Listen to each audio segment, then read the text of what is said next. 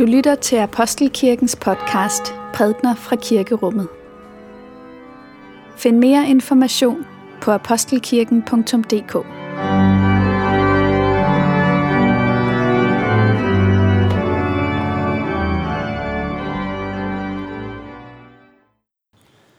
Godmorgen og velmødt til gudstjeneste her i Apostelkirken. Det er i dag anden søndag efter Hellig Tre Konger. Vi skal høre beretningen om brylluppet i Kana, hvor Jesus laver vand til vin. Så har vi tre dåb. Og temaet for dagens gudstjeneste, som står anført på forsiden af den gudstjenestefolder, I har fået, det er det bedste til sidst. Lad os bede. Barmhjertige Gud, du som i Kristus åbner vejen til dig og borttager verdens synd. Jeg beder dig, rens mig, så jeg bliver ren. Helbred mig, så jeg bliver hel. Drag mig til dig, så mit hjerte finder ro. Jesus Kristus, du er midt i blandt os, og dagligdagen er ikke mere den samme, men gennemlyst af din herlighed. Du kender vores svigten, vores forvirrede liv, og alligevel holder du fast ved os, som du lovede, du ville, da vi blev døbt. Det takker vi dig for, og vi beder dig, giv os din hellige ånd af det kildespring til evigt liv, som aldrig løber tør, så vi får kræfter til at tjene dig og tilbede dig i ånd og sandhed. Til du er den levende kilde, og vi takker dig for den kærlighed, der strømmer imod os fra evighed og til evighed. Amen. Vi skal høre dagens evangelium, som er skrevet i Johannes evangeliet. Lad os takke for Guds ord. For Guds ord i skriften, for Guds ord i blandt os, for Guds ord inde i os, takker vi dig Gud. Den tredje dag var der bryllup i Kana i Galilea, og der var Jesu mor med. Og så Jesus og hans disciple var indbudt, var indbudt til brylluppet. Men vinen slap op, og Jesu mor sagde til ham, de har ikke mere vin. Jesus sagde til hende, hvad ved du mig, kvinde? Min time er endnu ikke kommet. Hans mor sagde til tjenerne, gør hvad som helst, han siger til jer. Der var der seks vandkar af sten. De stod der efter jødernes regler for renselse og rummede hver to til tre spande. Jesus sagde til dem, fyld karne med vand. Og de fyldte dem helt op. Og han sagde til dem, øs nu op og bær det hen til skafferen. Det gjorde de så. Men da skafferen havde smagt på vandet, der var blevet til vin, han vidste ikke, hvor den kom fra. Men det vidste de tjenere, som havde øst vandet op.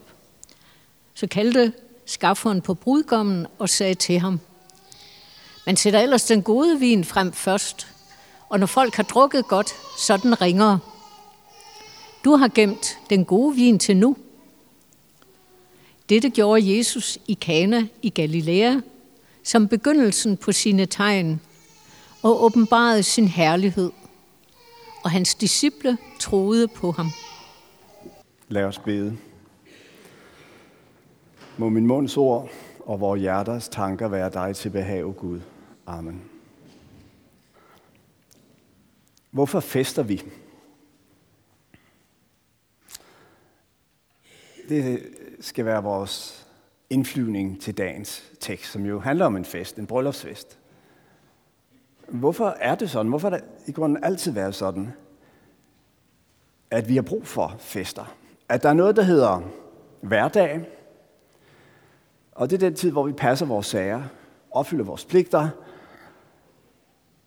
lever op til vores ansvar. Og det er sådan det meste af tiden. Men så har vi brug for, at der også er tidspunkter, der er anderledes.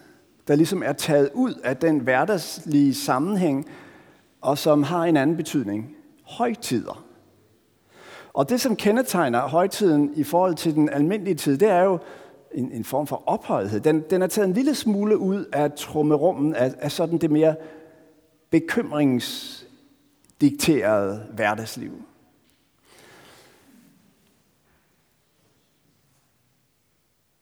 Sådan nogle højtidsstunder har der altid været brug for i menneskelivet. Men der er to måder at feste på. Man kan enten feste for at glemme, eller for at huske. Og mm, hvis det er sådan, at menneskelivet i grunden er tomt,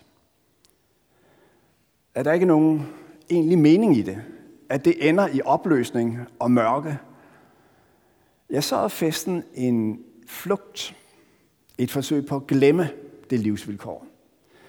Så er det om ligesom at have de her øjeblikke, skabe de her bobler, hvor man ligesom for en stund kan blive lettet for det, det å, den byrde, der ligger på en, i ligesom selv at skabe mening, og bare lade alt det her ansvar, forpligtelse, bekymringer, lade det falde, og så slå det søren.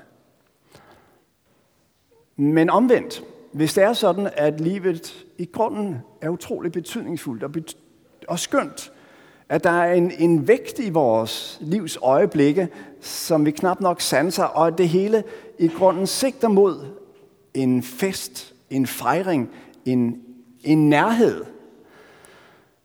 Ja, der har festen en anden betydning. Der handler det ikke om at glemme, men tværtimod om at huske. Huske hvad? Huske det, som vi så let i vores hverdags optagethed af det nære, af hvad andre tænker om os, vores bekymrethed, der glemmer vi det store, det skønne, og derfor har vi brug for den her højtid, hvor vi ligesom bliver løftet op. I går var jeg på museum, i Frihedsmuseet. Jeg kan meget varmt anbefale det. Det er jo vores 2. verdenskrigsmuseum. Og der blev jeg gjort opmærksom på den betydning, som Christian, kong Christian den 10. fødselsdag havde. Kong Christian 10. han fyldte 70 et halvt år efter, at Danmark var blevet besat af tyskerne. Og det var en fest, som ligesom greb folkesjælen på en helt særlig måde. Der var store processioner igennem øh, gaderne, man samledes på pladserne og, og sang alsang. Og der blev flaget, og der blev jublet øh, på en, en måde, der sådan var øh, voldsom. Hvorfor blev der festet? Det var jo ikke bare fordi, man tænkte, åh, nu er der også lige meget. Danmark er alligevel opslugt af det her nazistiske rige. Vi giver op, lad os, øh, lad os slå os løs, fordi der er alligevel ikke, der er ikke noget, der sådan rigtig giver mening at kæmpe for mere. Det var ikke sådan, det var. Det var ikke glemslens fest, det var hukommelsens fest. Der er noget, vi skal huske. Vi skal huske, at vi har en konge. Vi skal huske, at, at, at vi har et land, og, og, og, og der er noget at kæmpe for. Så altså, de her to meget forskellige visioner af menneskelivet, og de to meget forskellige måder at feste på og forstå festens betydning i vores liv. Og så læser vi dagens tekst, som jo handler om en fest, hvor Jesus gør sit første under. Eller, for at nu være helt præcis, det første af sine tegn. Johannes, evangelisten Johannes, han er meget opmærksom på sprogbrugen. Han kalder det sjældent under eller mirakler, han kalder det tegn. Og hvad er et tegn? Et tegn, det er jo noget, der ligesom peger ud over sig selv. Du ser noget, men så er der en anden betydning knyttet til det, du ser. Altså, man kan færdes i Københavns gader og så se nogle kulørte lamper. Men det er godt at vide, at de kulørte lamper, det er trafikregulering. Fordi hvis man ikke ved det, hvis man ikke kan aflæse tegnet, men blot ligesom ser det smukke i det, øh, så går man glip af betydningen, og det kan få fatale følger for vores trafik, øh, samfærdsel øh, her i byen. På samme måde er det med Jesu under. Øh, Johannes insisterer på at sige, det er tegn. Det siger noget mere, end du umiddelbart ser. Der er, en, øh, der er noget skjult i dem, og det er din opgave som læser med troens øje at opfange den her betydning og, øh, og, og få den frem.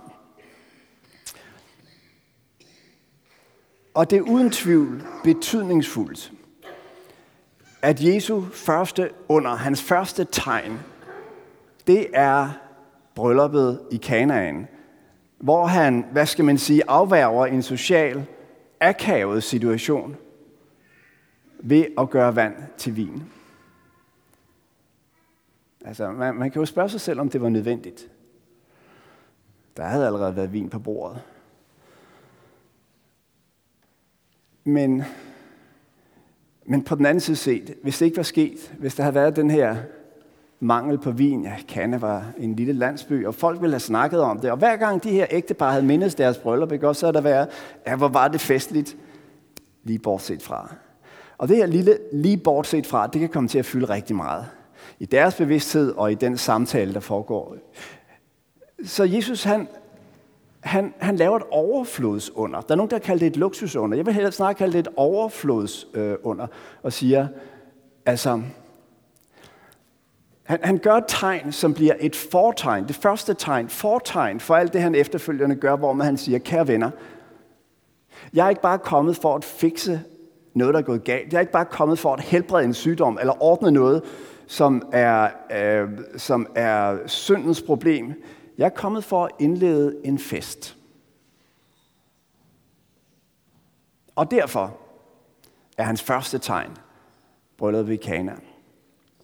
Så tegn. Der er en, der har sagt det sådan, at når Jesus siger tegn, så, så kan man tænke på en solsort, der synger i natten. Kender fænomenet, ikke? Man vågner der en sommermorgen ved at høre en solsort synge. Det er mørkt udenfor. Det passer ikke helt sammen. Nat og fuglesang. Men når solsorten synger, så forkynder den. Dagen kommer. Vi kan ikke se det. Vi kan ikke sanse, at dagen er på vej. Vi kan kun se mørket. Men vi kan høre solsortens sang. Og den sang bliver for os et tegn, et løfte, et vidnesbyrd om, ja, den er på vej, den vej. På samme den, den sommer, den morgen. Og på samme måde er det med Jesu under. Når han gør syge raske. Når han gør vand til vin, som i dagens evangelium, så er det et konkret mirakelhandling. Men den dybere betydning af det, det er at sige, kære venner, der er noget på vej. Guds rige er kommet. I ikke overladt til den historie, I selv kan skabe gennem jeres egne ressourcer, gennem jeres egen indsats og gøremål. I ikke overladt til hverdagen. Der er en fest. Og glem det nu ikke. Lad ikke øh, synke ned i hverdagens bekymringer på en måde, så, så livet bliver trivielt, og så, så, så I bliver små, og, og I gør jeres medmennesker små. Husk det nu, festen er på vej.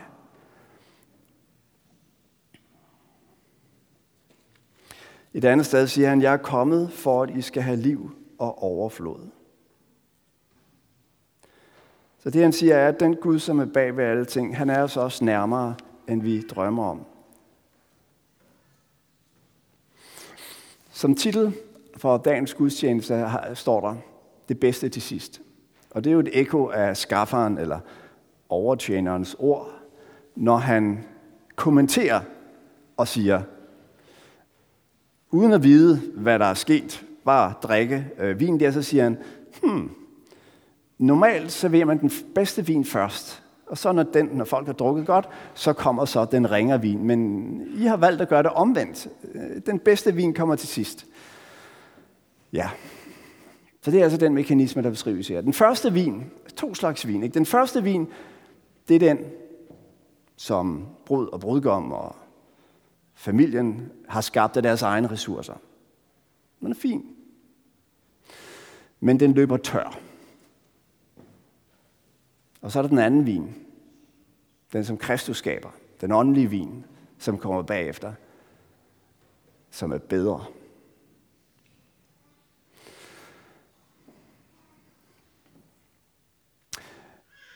Vi mennesker, vi fødes med meget forskellige livsvilkår. Der er nogen, der har en hel del vin at give af, som ikke har svært ved at gøre livet til en fest ganske længe. Og som har kreativitet, et netværk, og, og tingene spiller, hvor man kommer frem. Og det er jo et privilegium at have det sådan. Det er jo et privilegium at have meget vin til sin fest. Der er andre, der ikke har så meget. Der er andre, der fødes med nogle vilkår, som er kraftigt oppe bakke, som har en opvækst, som måske gør det endnu værre. Der er ikke meget vin at feste med. Men dagens evangelium har et budskab til os, der siger, at den bedste vin, det er ikke den, vi selv bringer med. Det er den, Kristus giver til os.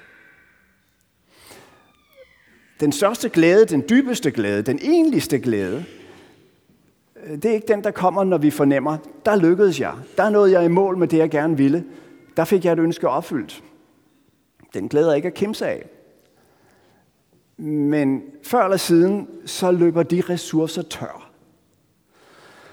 Og der findes en anden glæde, og det er den glæde, som Kristus bringer til os. Det er glæden ved at gøre sig den erfaring og gøre sig den indrømmelse, at mine ressourcer rækker ikke til det, der er mit liv. At jeg har brug for, at der er en udefra, der kommer og hjælper og, øh, øh, og griber ind.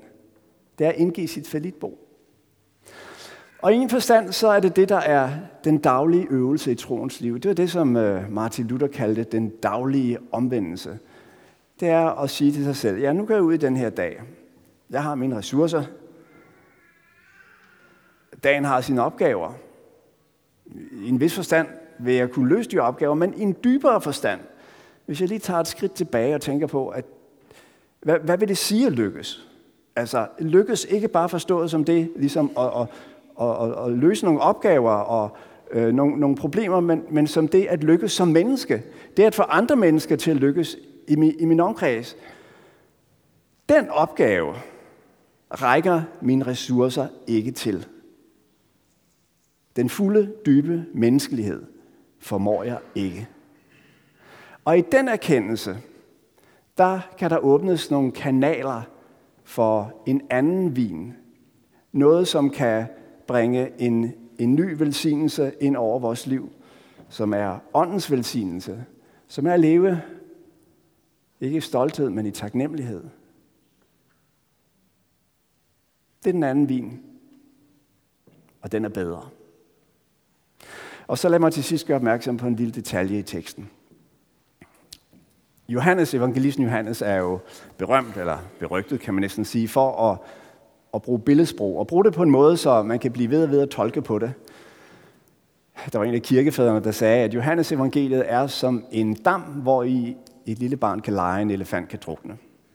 Så let at læse, og alligevel, når man så tænker efter, hov, hvad er egentlig betydningen af det her? Og en af de ting, der i dagens tekst kalder på vores opmærksomhed, det er indledningen, hvor der står, at der stod de her seks kar til den jødiske renselse. Det rummede hver to-tre spande, en spand og 40 liter, så vi, der taler om cirka 500 liter vin. Til den jødiske renselse, det vil sige, de her kar, de var der, for at mennesker, når de kom ind i det her rum, så kunne udføre det her fastsatte ritual, som ville rense dem. Så de var rene. Ikke? Gør det ritual, og du er ren. Det var det, der var vandets funktion. Så sker der noget. Vandet bliver gjort til vin. Så altså med andre ord, den her renhedsinstitution, den bliver overtaget af en, en, et, et festmiddel. Noget, som er med til at gøre øh, mennesker øh, glade og, og opfylde dem øh, som mennesker. Johannes han nævner aldrig nadvaren i sit evangelium. Der er ikke nogen nadverinstiftelse eller noget, men der er de her steder, hvor man fornemmer en antydning. Og her, her er en af dem, fordi når vi samles til nadverbordet om et øjeblik, så er det jo en forstand en slags forsmag på den fest, som profeterne og apostlerne har sagt, er målet med det hele. Det er for at huske, det er ikke for at glemme, men for at huske den fast, at vi også går til nadver om søndagen. Og det, som sker her, det er, at Jesus som verden, han deler ud og siger, værsgo, her er vin til festen. Og den vin er i sidste ende forbundet med det, som er Jesu livs store og dybe budskab, nemlig hans død for os, at han gav sit liv, og derfor er det, det er Jesu Kristi blod, og det er Jesu Kristi læme. Det er ved den stedfortrædende gerning, han gjorde, at vi bliver sat fri til at leve det liv, som er vores. Og leve det med hverdag, og med højtid, og fest, Og ikke bare med en fest, der skal få os til at glemme hverdagens vilkår og livets realiteter, men tværtimod en fest, der skal få os til at huske, hvor stort og rigt det er at få lov at være menneske i denne verden. Lov og tak og evig ære være dig for Gud, Fader, Søn og Helligånd, du som var og er og bliver en sand treenig Gud, højlovet fra første begyndelse, nu og i al evighed. Amen.